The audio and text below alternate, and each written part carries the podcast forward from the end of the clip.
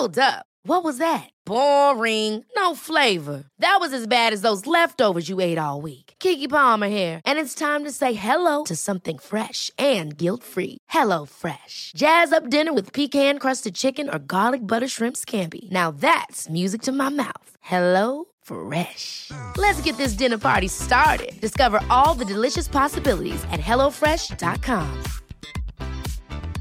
There's never been a faster or easier way to start your weight loss journey than with PlushCare. PlushCare accepts most insurance plans and gives you online access to board-certified physicians who can prescribe FDA-approved weight loss medications like Wigovi and Zepbound for those who qualify. Take charge of your health and speak with a board-certified physician about a weight loss plan that's right for you. Get started today at plushcare.com slash weight loss. That's plushcare.com slash weight loss. plushcare.com slash weight loss.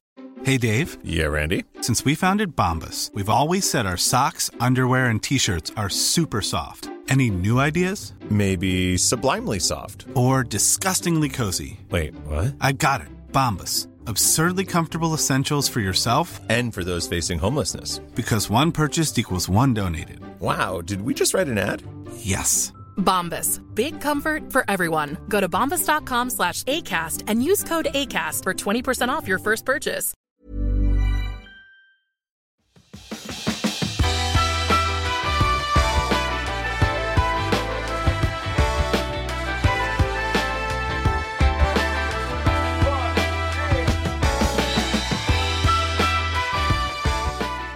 Hej och varmt välkommen till Klimakteriepodden med mig, Åsa Melin. Jag blir nästan överväldigad över allt en kvinna kan vara med om och råka ut för när det gäller underlivet. Det är faktiskt fantastiskt på lika många sätt som det är traumatiskt och kan vara oerhört smärtsamt. Vi ska ta upp en rad olika tillstånd som kan kräva ingrepp. När och varför det kan komma just kring klimakteriet. Och med mig så har jag en specialistläkare i gynekologi och gynekologisk kirurgi från kvinnokliniken på ett av våra största sjukhus här i Sverige. Allt från rikliga blödningar och vad man kan göra åt dessa beroende på när de inträffar, framfall, bakfall, totalt fall, myom, polyper, urin och analläckage, adenomyos som jag inte ens eh, hade hört talas om innan det här och det tror jag inte jag kanske är helt ensam om. Sen blir det ganska mycket om hysterektomi, det vill säga det här med att ta bort livmodern. Med eller utan äggstockar och äggledare, varför och hur och när. Medicineringar och behandlingar före och efter. Ja, det finns ju en hel rad olika frågor här. Ehm, ja, och dessutom så delar influensen Johanna Toftby sin riktigt smärtsamma upplevelse av att ta bort sin livmoder. Det blir mycket och extra långt, så varmt välkommen att lyssna. Mycket av innehållet är baserat på frågor från er lyssnare och vad man ser på just kvinnokliniken. Så högst relevant och intressant, så välkommen att lyssna.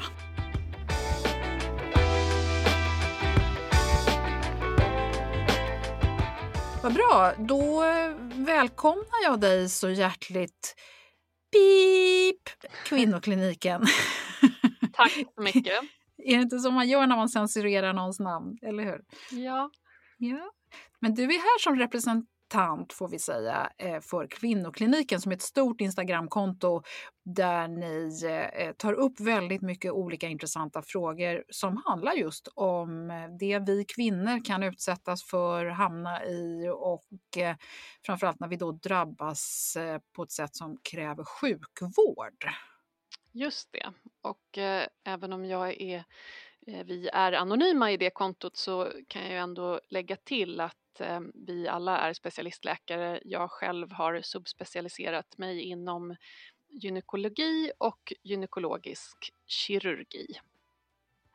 Och din superspecialitet är ju livmodersoperationer och det ska vi komma till. Mm. Och en sak som jag också bara vill passa på att säga är grattis eftersom ni dessutom har fått lite uppmärksamhet för ert eh, värdefulla arbete genom ett litet bidrag från Innovationsfonden. Så grattis till det! Tack så mycket, det var roligt. Vi ska komma till de här operationerna. Det finns ju jättemycket frågor som jag får från lyssnare. Och, eh, jag tänker att vi ska ta dem och vi ska fokusera på livmodern, ditt specialistområde. Men eh, först så vill jag bara tacka så jättemycket för att du ställer upp här igen. Du eh, var ju med i avsnitt 122 och då pratade vi väldigt mycket om blödningar. Och jag tänker att vi kan göra en liten kort tanke på det här med rikliga blödningar och varför det kan eskalera just kring klimakteriet. Mm. Eh, det är en bra fråga och Eh, man kan väl säga eftersom det här har bäring på livmoderoperationer så kan man ju säga att blödningar, eh, rikliga blödningar är idag den vanligaste anledningen till att man opererar bort sin livmoder. Eh, vi vet också, tack vare ett ganska bra heltäckande svenskt register, att de kvinnor som opererar bort livmodern på grund av rikliga blödningar de är eh, nöjdast eh, efter operationen. Och med det sagt så betyder det också att eh, om man opererar bort livmodern på grund av smärta så blir man gudskelov också oftast nöjd men eh, allra nöjdast blir den gruppen som gör det på grund av sina blödningar. Och eh, varför eh, opererar man bort det på grund av blödningar och varför händer det eh, runt om klimakteriet? Ja, Eh, det kan bero på rikliga blödningar kring eh, klimakteriet kan bero på, eller för klimakteriet vill jag nog verkligen säga. Ehm, det kan bero på hormonella orsaker, eh, det vill säga att man slutar ha ägglossning och då får man inte den här eh, hormonella cykeln som kroppen hade tidigare i sitt fertila liv. Och då kan man få Eh, Eh, blödningar som inte slutar. De får ingen stoppsignal riktigt. Så det är en anledning. Och sen är det ju så att en annan stor anledning till att man blöder rikligt det är myom, alltså muskelknutor i eh, livmoderns muskelskikt. Och myom är egentligen ingenting som hör för klimakteriet eller klimakteriet till specifikt men myom växer långsamt under hela det fertila livet och då eh, är det ju eh, typiskt då att de ställer till mera besvär ju större de blir. De flesta kvinnors myom eh, krymper och eh, ställer till mindre besvär efter klimakteriet eh, med ett eh, ja, eh, helt enkelt, de allra flesta får mindre besvär efter klimakteriet. Där, eh, men man vet faktiskt att kvinnor med afrikanskt ursprung har en genetisk eh, risk att dels få mera myom generellt under livet och dels en större risk att ha besvär av sina myom även efter klimakteriet, tyvärr. För vad man brukar säga är ju det här med att det är östrogendrivet, att så länge vi har östrogen så ökar de men sen brukar det stabilisera sig. Kan man inte säga så? Jo, det kan man säga. Eh, myom är dock eh, de är ganska enkla till sin uppbyggnad men de, det är ändå en eh, komplex sjukdom vad det gäller hormonernas påverkan. Eh, till exempel så kan man se att vissa kvinnors myom Ehm, växer jätterik, jättemycket under graviditet när man får ett stort hormonpåslag medan andra inte gör det. Eh, man har sett att vissa läkemedel kan eh, inte, krymp, inte ta bort myomen men hjälpa till. Ehm, en, och då är det ett läkemedel som har varit avregistrerat men som nu möjligen kommer tillbaka i begränsad form och det är en progesteronreceptorhämmare. Så det kan vara både progesteron och östrogen och det kan vara individuella skillnader. Så det är tyvärr inte så lätt att ge helt raka svar på den frågan. Nej, och därför är det ju viktigt att man reder ut rikliga blödningar alltid. Det är ingenting som man ska gå runt med. Nej. Du, eh, vi ska komma tillbaka till det här. En, en liten stickfråga på det här. Eh, en lyssnare hörde av sig och då sa hon att hon hade polyper. Mm. Polyper är en Eh, Eh, polyper kan man ju ha egentligen, brukar jag säga, överallt där man har slemhinna. Eh, vissa har tagit bort polyper via koloskopi i tarmen, man kan ha polyper i halsen. Eh, och polyperna som orsakar blödningar, de sitter inte i muskelväggen som myom gör, utan de sitter i livmoderns hålighet. Det blir som utväxter i livmoderns slemhinna. Så det är en stor principiell skillnad och polyper kan också drabba eh, kvinnor när som helst egentligen i ålder och de orsakar blödningar eh, Ja, det är egentligen nästan en fysikalisk princip att om man lägger in någonting i livmodern, man kan ju faktiskt även ha små myom på skaft inuti livmoderns hålighet. Och det är som att lägger man in någonting där, ja då växer det slemhinna runt det. Och då blir slemhinne, slemhinnan, det man blöder ut, blir en större yta och därför får man en större blödning. Polyper, precis som eh, myom så är ju polyper i princip aldrig eh, elakartade. Det finns polyper som eh, enstaka som kan bli elakartade och blödningar efter klimakteriet ska ju alltid utredas. Även om det är en polyp så ska den tas bort, självklart.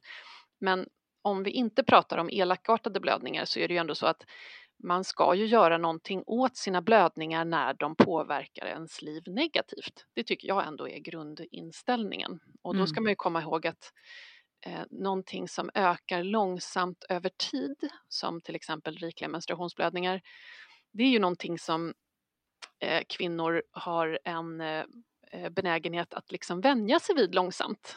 Eh, vi är ju ett anpassningsbart djur, människan, och eh, då är, finns det en liten fara med det, tycker jag, det vill säga att man vänjer sig för mycket.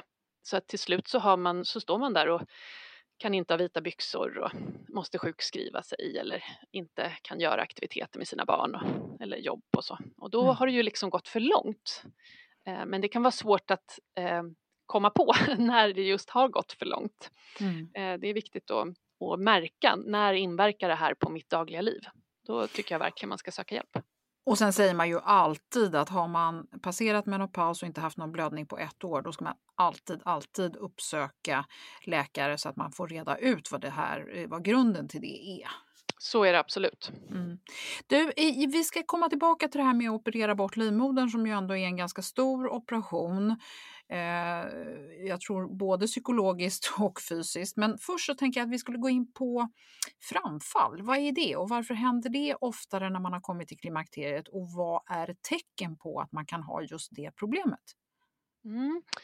Framfall är när något faller fram i eh, slidan, eh, kortfattat. Och då kan man säga att det finns olika saker som kan falla fram. Eh, man kan få framfall från främre slidväggen, alltså mot urinblåsan. Man kan få framfall från bakre slidväggen, alltså eh, där tarmen går. Och sen kan man få framfall uppifrån, eh, det vill säga att livmodertappen sjunker ner i slidan och i värsta fall då ut ur, att det kommer ut ur slidan, antingen vid en kryssning eller hostning eller faktiskt eh, in, helt spontant. Mm. Det är då en to ett totalt framfall, vilket är faktiskt väldigt ovanligt. Men anledningen till att det händer oftare när man kommit in i klimakteriet, eh, det skulle jag säga är ehm, eh, Ja, det, vi hade en, en kollega, hon är pensionerad nu, hon höll på jättemycket med eh, framfall och hon sa så här att ja, kvinnans bäckenbotten den är ju till för att vi går på alla fyra. Det vill säga, vi har en ganska skör struktur av eh, komplicerade muskler i vår bäckenbotten. Och vi lever oerhört mycket längre. Vi, vi, går inte på alla fyra och vi lever dessutom väldigt länge. Så att det, är en, det, är en bind, det är en bindvävsproblematik kan man säga. Att eh, bindväven och musklerna i bäckenbotten orkar inte över tid. Och det här finns det jättestora genetiska variationer på. Men det finns ju också förstås ehm, en del som kan ha eh, komplicerade graviditeter och förlossningar som snabbar på den här processen. Och vad är tecknen på att man kanske har det här problemet då, om det inte har gått så långt att det så att säga, ja, det här totala framfallet? Ja, då eh, kan jag tycka att det är ganska vanligt att man kan känna, inte, det kanske inte kommer ut någonting, men att man känner ett obehag. Eh, som en bulle brukar många patienter beskriva det i slidan. Och sen kan man ju då ha problem från eh, kisseriet eller bajseriet beroende på om det är framåt eller bakåt. Därför att om främre slidväggen faller ner i slidan då påverkar det urinrörets eh, gång, så att säga, hur det går i vävnaden. Eh, så man kan få det kan, det kan vara problem. Förutom att man känner någonting så kan man då ha problem att tömma tarmen eller eh, problem med urinen. Om man nu upplever det här med framfall och det konstateras att man har det framåt, bakåt eller totalt, vad gör man då? Då eh, kan man eh, antingen operera eller så kan man hjälpa till med olika prolaps. Prolaps är eh, läkarordet för framfall kan man säga. Prolapsringar. Eh, det är, de finns i ganska många olika varianter och då får man pröva ut en sån och det innebär att man helt enkelt stoppar upp, eh, det kan se ut nästan som ett pessar fast styvare. Då kan man föra upp en sån i slidan och så känner man efter om besvären lättar och om det känns bra. Och det kan man egentligen ha eh, hur länge som helst men det finns eh, kan man säga två problem. Dels så är det eh, inte jättelätt alla gånger att ta ut och in dem där själva och det är många som har ett aktivt sexliv som kanske inte tycker att det passar dem. Sen finns det ett annat besvär och det är att man kan få skavsår av de här ringarna eh, och i värsta fall infektioner. Det är jätte jätteviktigt om man har en prolapsring att man också har lokal östrogenbehandling för annars så får man ofta, oftare skavsår. Men det är en det är ändå bra att de finns för många eh, riktigt äldre kvinnor som kanske inte har ett aktivt samliv och då är ju operation en ganska bökig sak med större risker. Man kan ha andra riskfaktorer så det är ändå väldigt bra att det finns de här ringarna.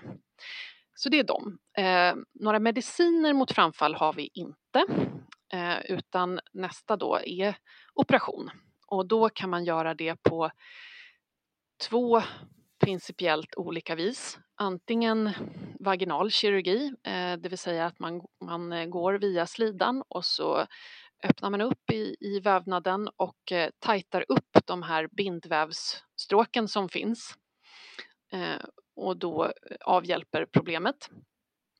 Det kan tyvärr komma tillbaka därför återigen det här är liksom lite grann en bindvävssjuka så att det kan, det kan tyvärr fortsätta, man kan få recidiv som vi säger och då kan man behöva göra om operationen men det är svårare kan man säga operation ju, om man har gjort det tidigare, det kan vara lite ärrigt och stramt i vävnaden.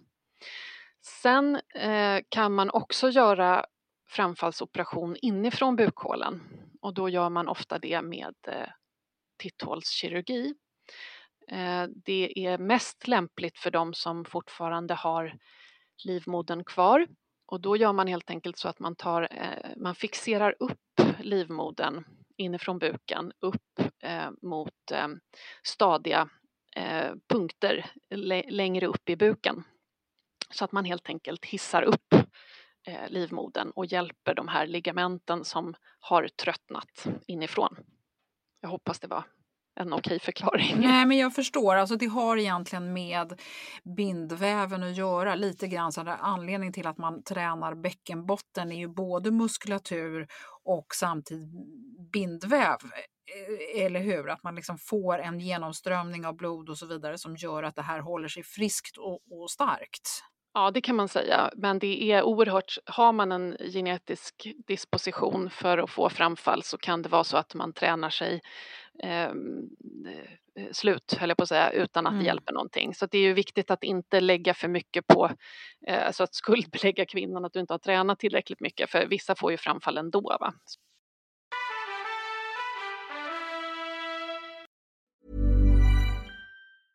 Ryan Reynolds here from Mint Mobile. With the price of just about everything going up during inflation, we thought we'd bring our prices down. So to help us, we brought in a reverse auctioneer, which is apparently a thing. Mint Mobile unlimited premium wireless. Ready to get 30, 30, bit to get 30, bit to get 20, 20, 20, bit to get 20, 20, bit to get 15, 15, 15, 15 just 15 bucks a month. So, Give it a try at mintmobile.com/switch. slash $45 up front for 3 months plus taxes and fees. Promo for new customers for limited time. Unlimited more than 40 gigabytes per month slows. Full terms at mintmobile.com. Here's a cool fact. A crocodile can't stick out its tongue. Another cool fact you can get short term health insurance for a month or just under a year in some states. United Healthcare short term insurance plans are designed for people who are between jobs, coming off their parents' plan, or turning a side hustle into a full time gig. Underwritten by Golden Rule Insurance Company, they offer flexible, budget friendly coverage with access to a nationwide network of doctors and hospitals. Get more cool facts about United Healthcare short term plans at uh1.com. Ever catch yourself eating the same flavorless dinner three days in a row? Dreaming of something better? Well, HelloFresh is your guilt free dream come true, baby. It's me, Gigi Palmer. Let's wake up those taste buds with hot, juicy pecan crusted chicken or garlic butter shrimp scampi. Mm. Hello Fresh. Stop dreaming of all the delicious possibilities and dig in at HelloFresh.com. Let's get this dinner party started.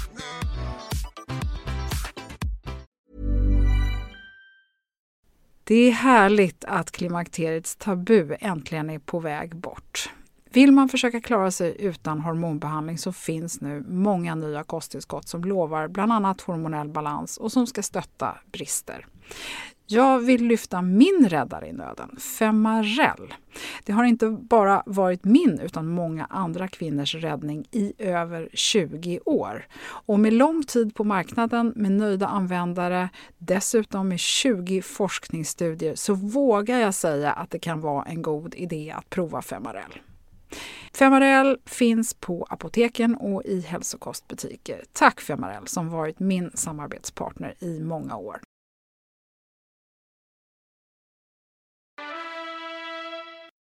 Ja, jag förstår. Då går vi in på urinläckage och kanske också även analläckage, även om jag har en känsla av att det är lite mer ovanligt, eller i alla fall så är det ännu mer skämmigt att prata om.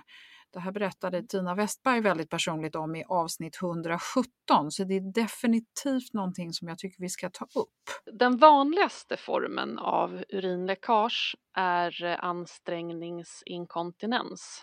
Eh, kärt barn har många namn, stressinkontinens säger vissa, det är samma sak. Och det är en, ehm, eh, då har man helt enkelt symptom i form av att det läcker när man anstränger sig springer till bussen eller hostar till, till exempel. Kvinnan har ett eh, kort urinrör och ibland så eh, håller det inte riktigt tätt.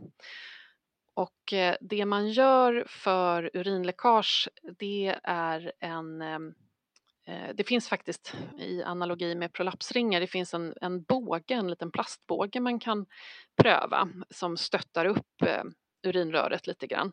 Men det är inte en långtidsbehandling utan det kan man pröva och om det funkar bra då eh, lämpar man sig för det som vi kallar för TVT och det är ju alltså ett band som man opererar in. Eh, som det ligger och stöttar urinröret i, i eh, vävnaderna. Det är en eh, ganska eh, kort och eh, lätt operation på ett sätt. Det görs fantastiskt många runt om i hela världen så vi har ganska god eh, erfarenhet av det. Det finns förstås komplikationer för det gör det med alla operationer men eh, resultatet är oftast väldigt bra. Mm, om vi kommer till analläckage? Mm. Då är det något som är mera kopplat till eh, framfall och förlossningsskador skulle jag säga.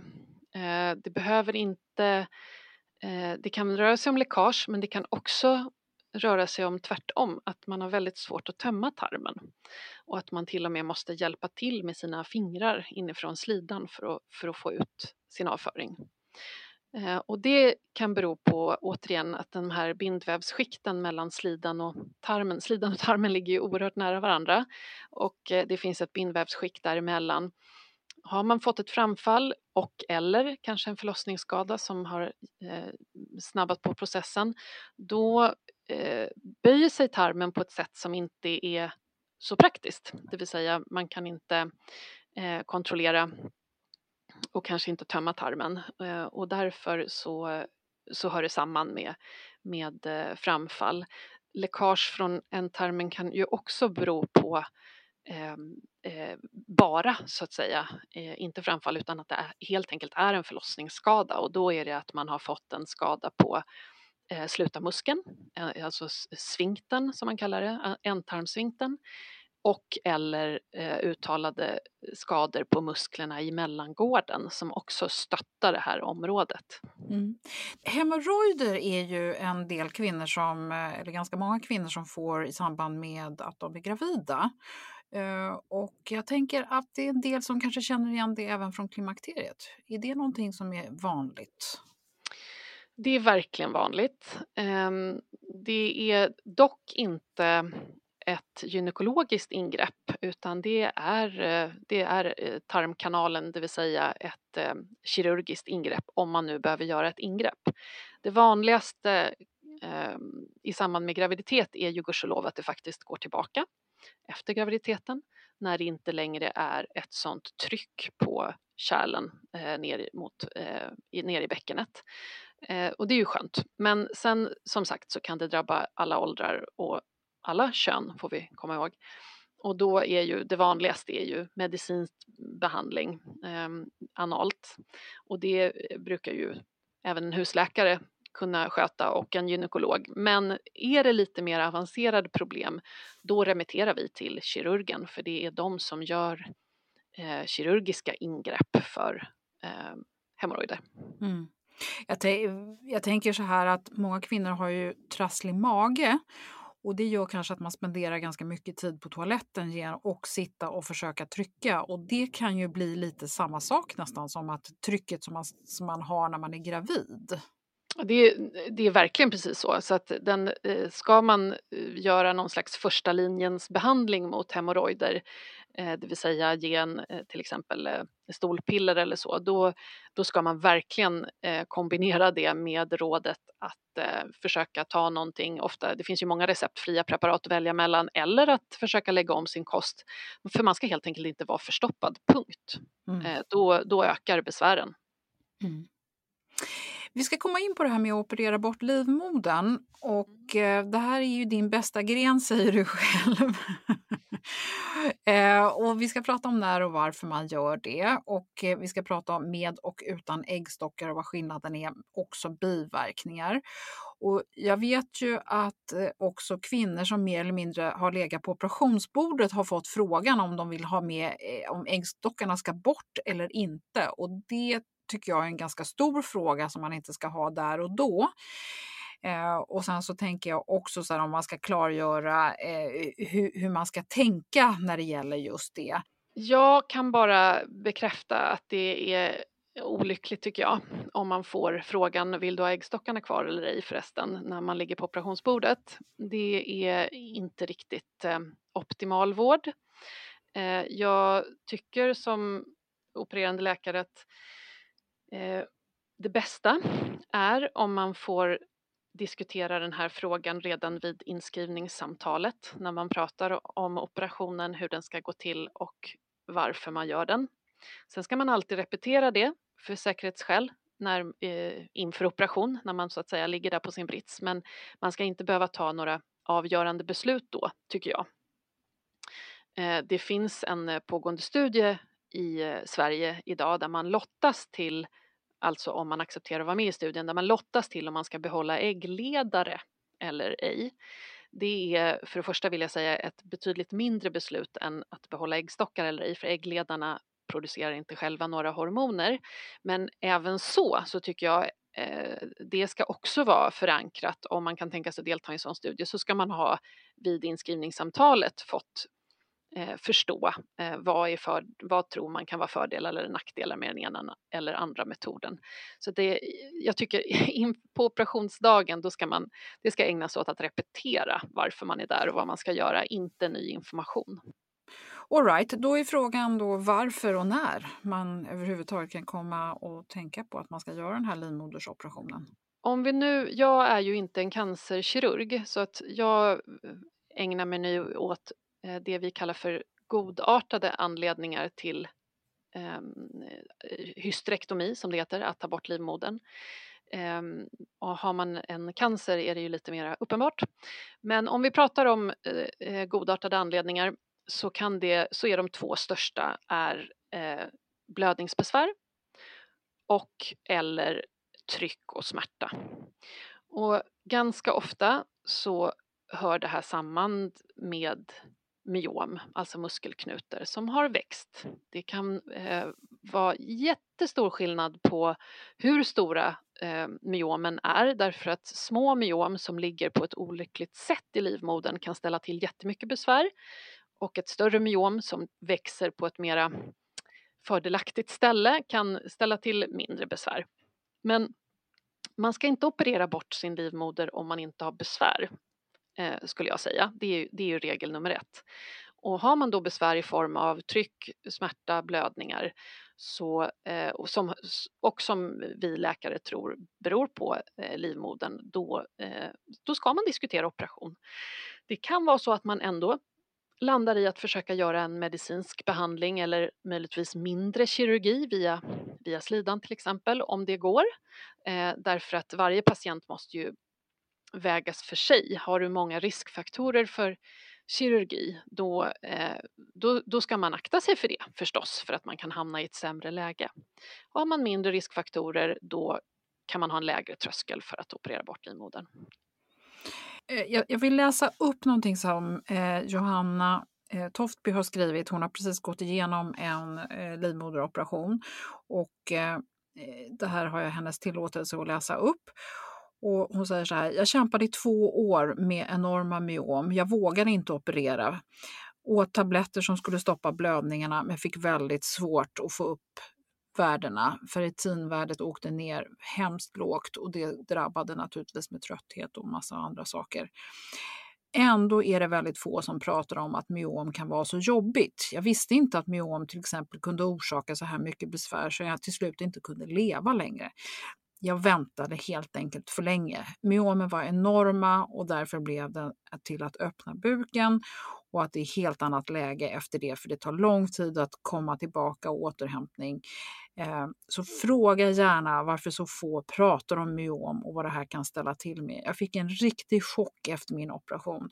Två veckor sedan idag och du får gärna nämna mig om du vill och hänvisa eh, eh, till mig om det skulle vara någonting. Det här var ett trauma, värsta i mitt liv.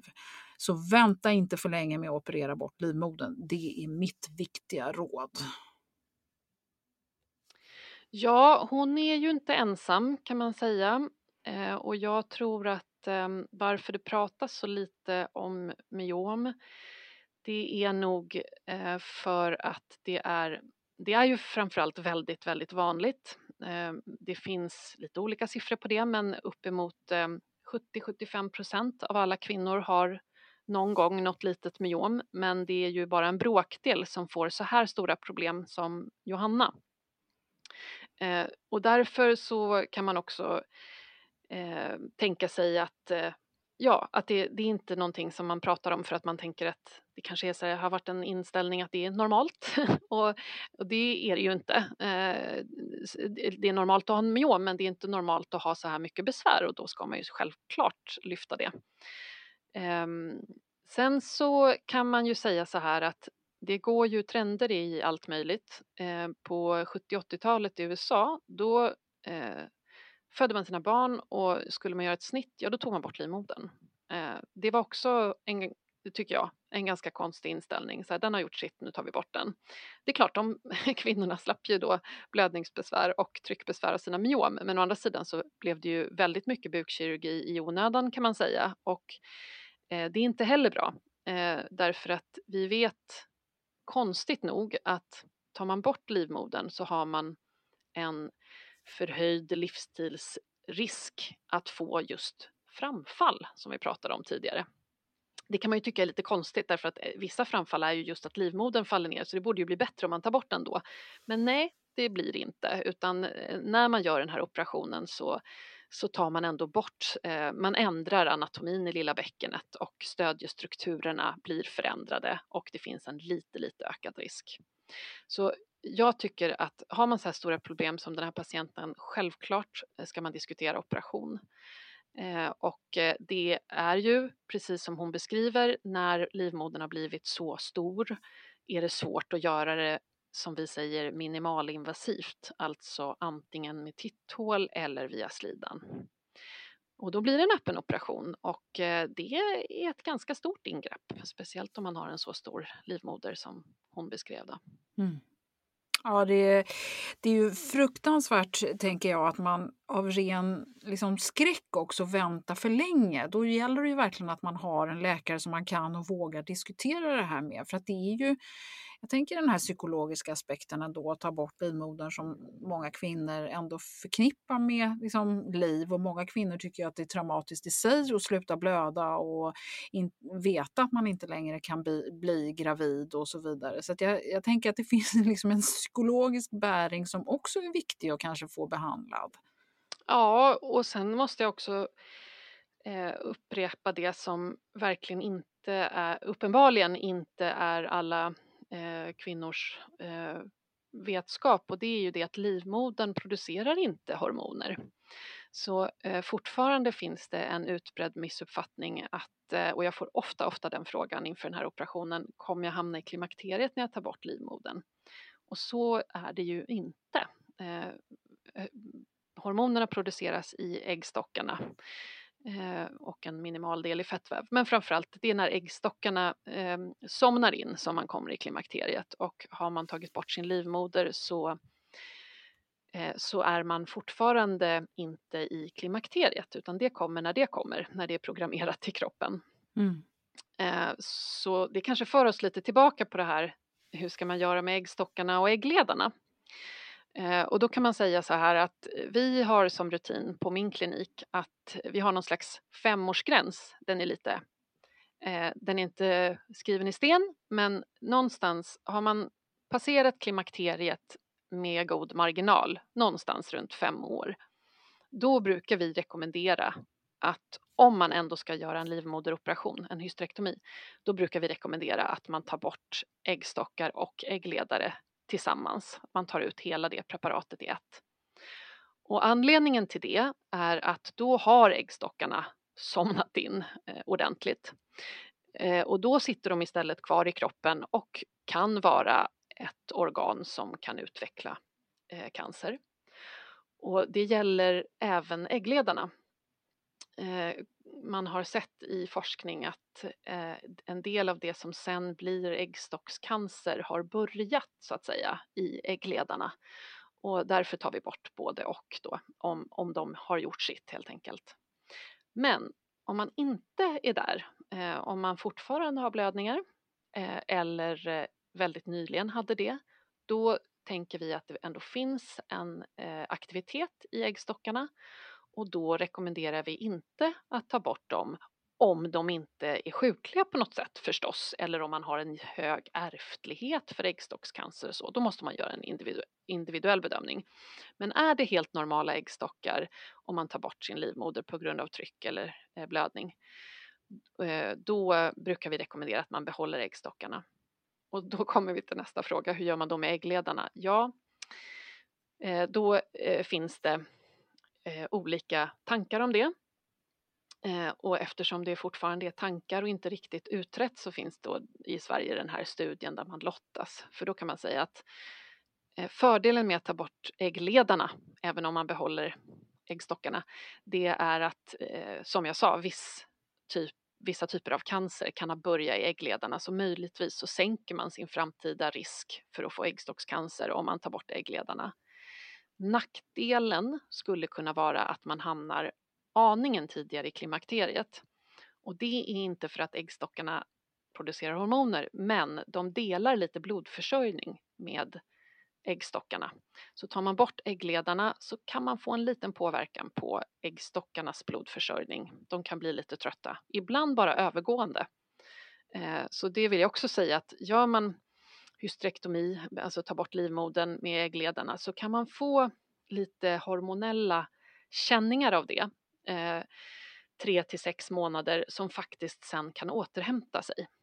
Eh, det har man sett också när man tittar i, i labb att eh, operationen kan eh, kortvarigt eh, påverka hormonerna men att de sen kan hämta sig här kan det vara värt att lägga in också att efter en sån här operation, när man har äggstockarna kvar, så kan man ju fortsatt känna av sin cykel. Och då är ju det helt enkelt för att äggstockarna finns kvar och där finns det lite aktivitet. Precis. Man kan känna av sin ägglossning också om man har det kvar. Just det. Och du, eh, jag vill bara också eh, att vi klargör det här. Väljer man eh, att ha en östrogenbehandling och inte ha livmodern kvar så behöver man ju inte ha ett gestagen eller ett progesteron, alltså inget guldkroppshormon för det finns ingen slemhinna som kan växa till. Eh, sen så finns det ju då många frågor som handlar om huruvida man eh, ska eller inte ska när man gör en sån här behandling, om man nu tar bort alltihopa. Brukar ni rekommendera det ena eller det andra? Nej, eh, som kirurg så rekommenderar vi ingenting i det läget om det inte är något extremfall, alltså att det är någon som tar bort eh, i eh, förtid så att säga för att man har ärftlighet. Men om vi pratar om den lite mer vanliga patienten Eh, det kan ju flika in att medelåldern på att ta bort livmodern i Sverige är eh, någonstans runt 45-46 år. Mm. Eh, det, kan, det är lite intressanta siffror apropå Johanna som vi pratade om tidigare här att hon eh, upplevde att det tog för lång tid och att man inte ska vänta länge. 46 år är ganska sent om man jämför med internationella siffror. Så att det kan, det kan finnas någonting, det kan ligga någonting i det, att vi kanske ibland väntar lite för länge hos vissa patienter. Um, och ehm, då kan man tänka sig, om man tar bort livmodern, vad händer med hormonerna om man nu inte har är efter klimakteriet? Ja, det måste man vänta lite och se. Dels för att man kan ha den här övergående påverkan som sen faktiskt hämtar sig och sen på grund av det, det eh, den stora principen i det här och det är att man ska ju behandla om man har besvär. Om jag till exempel har en patient som, eh, som har kommit in i klimakteriet, det kanske inte var jättemånga år sedan, men om hon ställer mig den frågan, då vill ju jag då, jag kan ju inte veta säkert om det möjligtvis finns någon aktivitet kvar i hennes äggstockar, men då vill ju jag att hon ska känna efter. Så att det får man, det, oftast så har det så att säga passerat mig som är kirurg, då kommer man tillbaka till sin ordinarie gynekolog och då får man göra den vanliga bedömningen. Har jag tillräckligt mycket besvär för att jag ska Eh, behandla och i så fall med vad då? Har man eh, livmodern borta så kan man ju med fördel ha bara östrogen. Då, mm. Och finns det någon vits överhuvudtaget med att ha ett tillägg av någon form av gulkroppshormon? Alltså det finns ju de som mår eh, bra av det, men det, eh, det lämnar jag nog till de ordinarie gynekologerna som, som håller på med den behandlingen mer än vad jag gör. Mm. Och det är helt enkelt ett mående det handlar om då, ingenting ja. annat. Nej. Du, eh, jag undrar också, jag har hört talas om att man kan göra radiovågs, man avlägsnar livmoderslemhinnan bara med någon metod där man använder radiovågsenergi. Mm en typ av bortbränning tänker jag, av livmoderslemhinnan. Varför skulle det vara aktuellt och varför och för vem och så vidare? Ja, det här är ju en annan typ av kirurgi som sker via slidan eh, och det är, kallas för hysteroskopi eller hysteroskopisk kirurgi. Eh, då går man helt enkelt in via slidan, livmoderhalsen och så tittar man antingen tittar eller då för in ett instrument in i livmodern.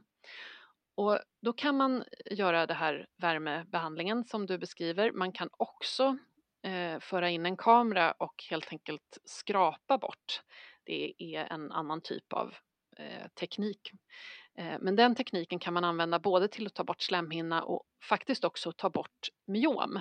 För som jag sa tidigare så kan man ha små myom som sitter helt inuti livmodern eller delvis, alltså de buktar in i livmodern och ställer till blödningsbesvär.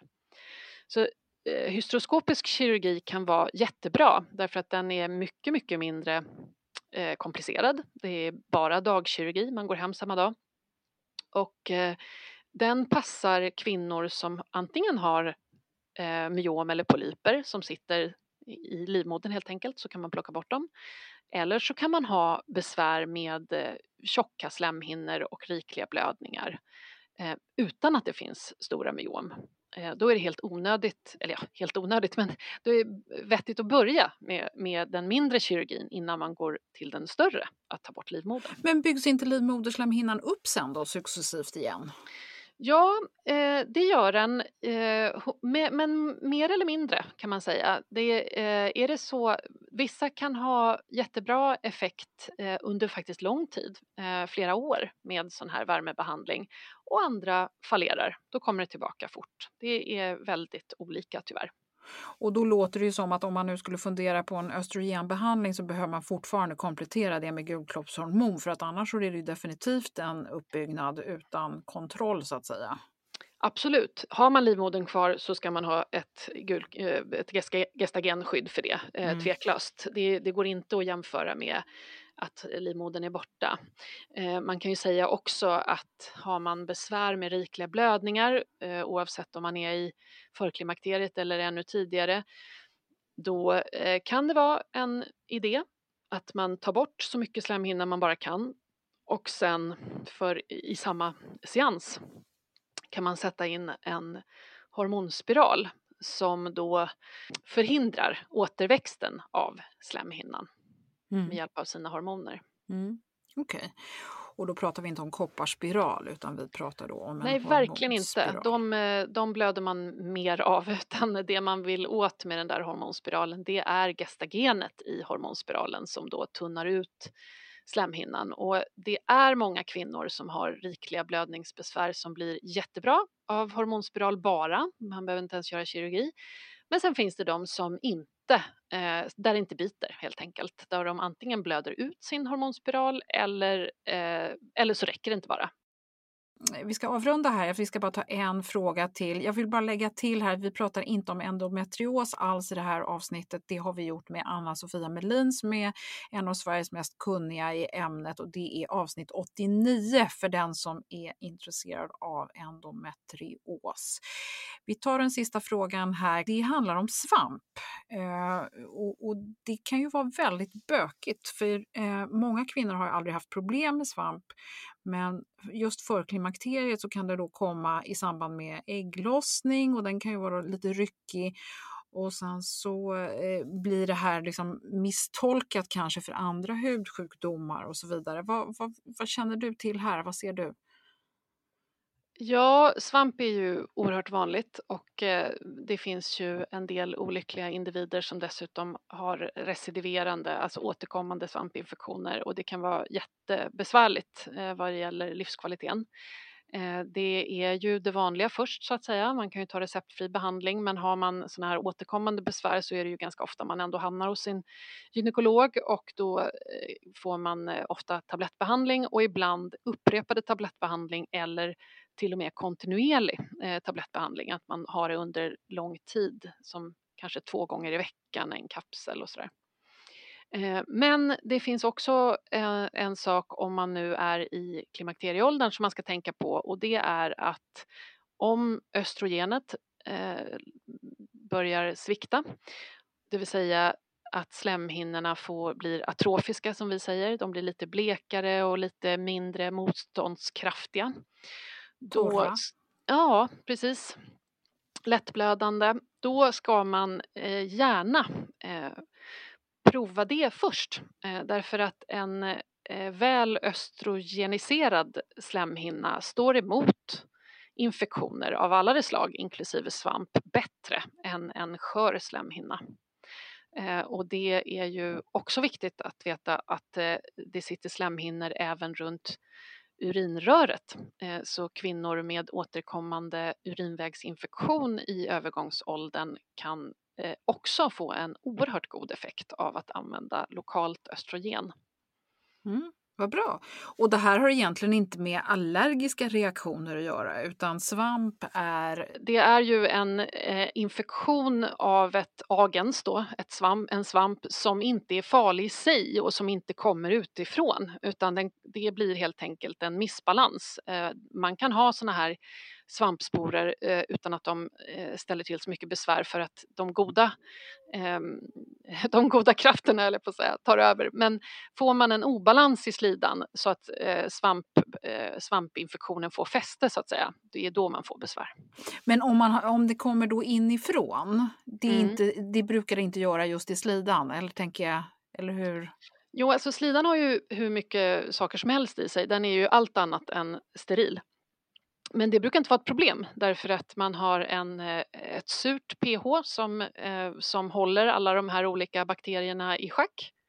Eh, men får man då ett, eh, till exempel en förändring i pH eller eh, sköra slemhinnor då kan eh, dåliga bakterier ta över. Det som också kallas bakteriell vaginos till exempel. Och det är inte någonting exempel. som man kan koppla samman då med mjölkallergi eller? Nej, nej. nej. Utan nej. det är i så fall en, en, en, slump att det skulle råka sammanfalla med det hela? Ja, i min vetskap så, så vet jag ingenting om det. Eh, det finns ju också ganska mycket eh, diskussion kring socker, alltså att om man skulle äta mycket socker så får man mera svamp. Men där vet jag faktiskt att det har gjorts eh, eh, trovärdig svensk forskning på det där man inte har kunnat säkerställa det.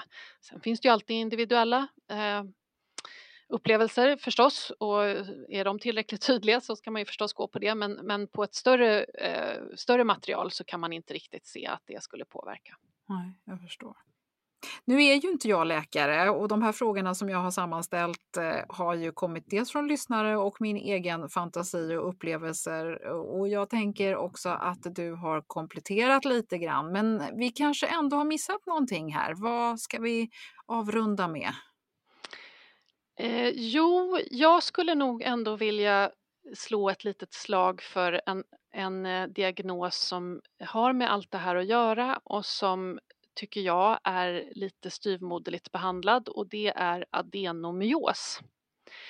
Eh, det är, de flesta känner ju gudskelov till endometrios nu för tiden eh, men adenomyos är någonting delvis annat. Eh, jag brukar säga till en del patienter att det är som endometrios fast inuti livmodern. Eh, vetenskapen vet nog inte riktigt om det är helt systersjukdomar eller delvis eh, olika saker. Men varför jag vill nämna det är därför att adenomyos är en sjukdom som eh, sitter i livmodern, inte utanför. Eh, den ger två eh, symptom framför allt och det är rikliga blödningar och eh, kraftig menssmärta. Eh, men den smärtan, när den håller på tillräckligt länge så kan den tyvärr även sträcka sig över, även när man inte har mens. Och jag ska säga att det kan också leda ofta till eh, samlag, djup samlagssmärta. Och problemet med adenomyos, varför är det så dåligt, eh, eh, så lite pratat om? Jo, det är för att det har vi inte varit särskilt bra på att diagnostisera. Eh, men vi är bättre på det nu därför att vi har helt enkelt mycket bättre ultraljudsmaskiner och bättre kunskap. Eh, och då kan man säga så här, när tror jag att jag kanske har det? Jo, det är om jag har väldigt rikliga blödningar och väldigt mycket mensvärk och så kanske man till och med har varit hos någon gynekolog någon gång i tiden som säger att allt ser normalt ut. Och då kan man säga det kan bero på att man inte har sett några myom. Myom är ganska lätt att se på ultraljud det blir svårt om man har jättemånga, men det är i alla fall ganska lätt att identifiera myom. Men adenomyos är svårare att se. Det blir en lite mer diffus eh, förstoring av livmodern som är ganska, den kan vara ganska liten, kan vara nästan normalstor och ändå ha det här. Eh, och eh, därför så skulle jag väl ändå göra ett slags medskick att även om man har en i princip normalstor livmoder med med de här besvären som jag beskriver så kanske man ska be om ett specialistultraljud eller eh, i alla fall ta upp den här diagnosen för allmän kännedom tycker jag. Och är det här någonting som kan debutera i samband med klimakteriet? För klimakteriet låter det ju absolut som, men sen liksom senare, är det någonting som brukar gå tillbaka om man aldrig fick en diagnos eller hur ser du, vad händer sen? Ja, jag skulle säga att eh, de flesta blir nog besvärsfria efter klimakteriet. Eh, men eh, den vanliga patienten som får sin diagnos är kanske efter barnafödande ålder ändå, ofta runt kanske 40-strecket.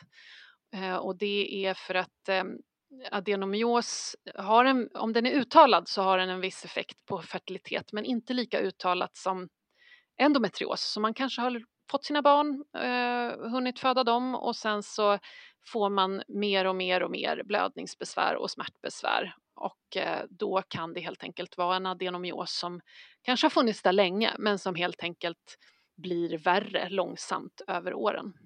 Ja, vad, vad bra! Det är första gången jag hör ordet adenomyos. Eh, så det ska vi absolut lägga på minnet och du som lyssnar får absolut också Eh, tänka på det ifall du känner igen dig i det här som eh, vi precis har fått höra. Ja, men, eh, tusen tack Kvinnokliniken och för att du ville representera er eh, viktiga grupp idag här i Klimakteriepodden. Jag är jättetacksam för det. Jag tror att vi fick mycket intressanta svar, eller hur? Ja, men hoppas det, att någon kan ha nytta av detta. Ja, och så ska man inte missa att gå in på just kvinnokliniken där man kan lära sig massor om man nu är nyfiken på att lära sig mer om kvinnokroppen. Allt handlar definitivt inte om oss kvinnor som eh, börjar gå mot slutet av vårt blödande utan det handlar ju mycket om sånt som kan vara nyttigt att känna till för sina döttrar och väninnor och arbetskamrater och vad vet jag. Eh, eller också kan det klargöra en del funderingar som man har haft eh, under sitt fertila liv tänker jag. Precis. Alla är välkomna. Ja, du, eh, vad intressant. Tusen tack för att du kom idag. Tack snälla.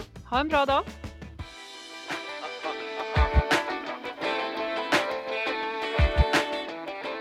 Ja, ett stort varmt tack till Kvinnokliniken som du hittar på Instagram under precis det namnet. Massor med bra informativa inlägg som rör oss kvinnor.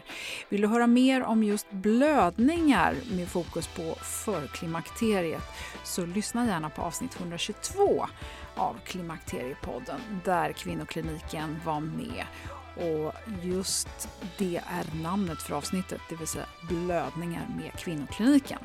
Så eh, ett stort tack också till dig Johanna Toftby för att du ville dela din upplevelse. Och vill man höra mer om hur det var för ett par år sedan för Johanna så kan du lyssna på avsnitt 55 där hon var med och eh, berättade väldigt öppet och personligt om en eh, jobbig tid i livet. Så johannatoftby.se kan du gärna kika in på och där skriver hon också om den här operationen om, som hon delade här, den här livmodersoperationen på grund av sina jobbiga myom. Så kika in på johannatoftby.se om du vill läsa mer. Klimakteriepodden.se och Klimakteriepodden på Facebook har vi också lite länkar på.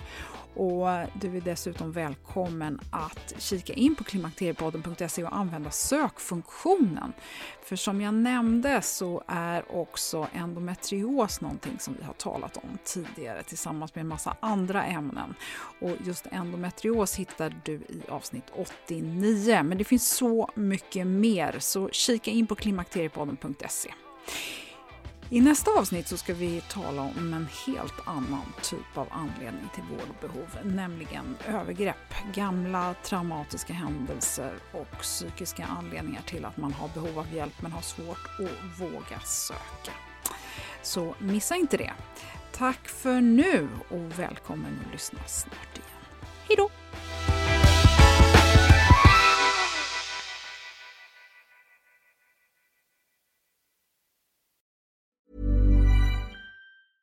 Ever catch yourself eating the same flavorless dinner three days in a row? Dreaming of something better? Well, HelloFresh is your guilt-free dream come true, baby. It's me, Kiki Palmer. Let's wake up those taste buds with hot, juicy pecan-crusted chicken or garlic butter shrimp scampi. Mm. Hello Fresh. Stop dreaming of all the delicious possibilities and dig in at HelloFresh.com. Let's get this dinner party started. Hey, it's Paige DeSorbo from Giggly Squad. High quality fashion without the price tag. Say hello to Quince. I'm snagging high-end essentials like cozy cashmere sweaters, sleek leather jackets, fine jewelry, and so much more. With Quince being 50 to 80% less than similar brands. And they partner with factories that prioritize safe, ethical, and responsible manufacturing. I love that. Luxury quality within reach. Go to quince.com slash style to get free shipping and 365 day returns on your next order. Quince.com slash style. Hi, I'm Daniel, founder of Pretty Litter. Cats and cat owners deserve better than any old fashioned litter. That's why I teamed up with scientists and veterinarians to create Pretty Litter. Its innovative crystal formula has superior odor control and weighs up to 80% less than clay litter. Pretty Litter even monitors health by changing colors to help detect early signs of potential illness. It's the world's smartest kitty litter. Go to prettylitter.com and use code ACAST for 20% off your first order and a free cat toy. Terms and conditions apply. See site for details.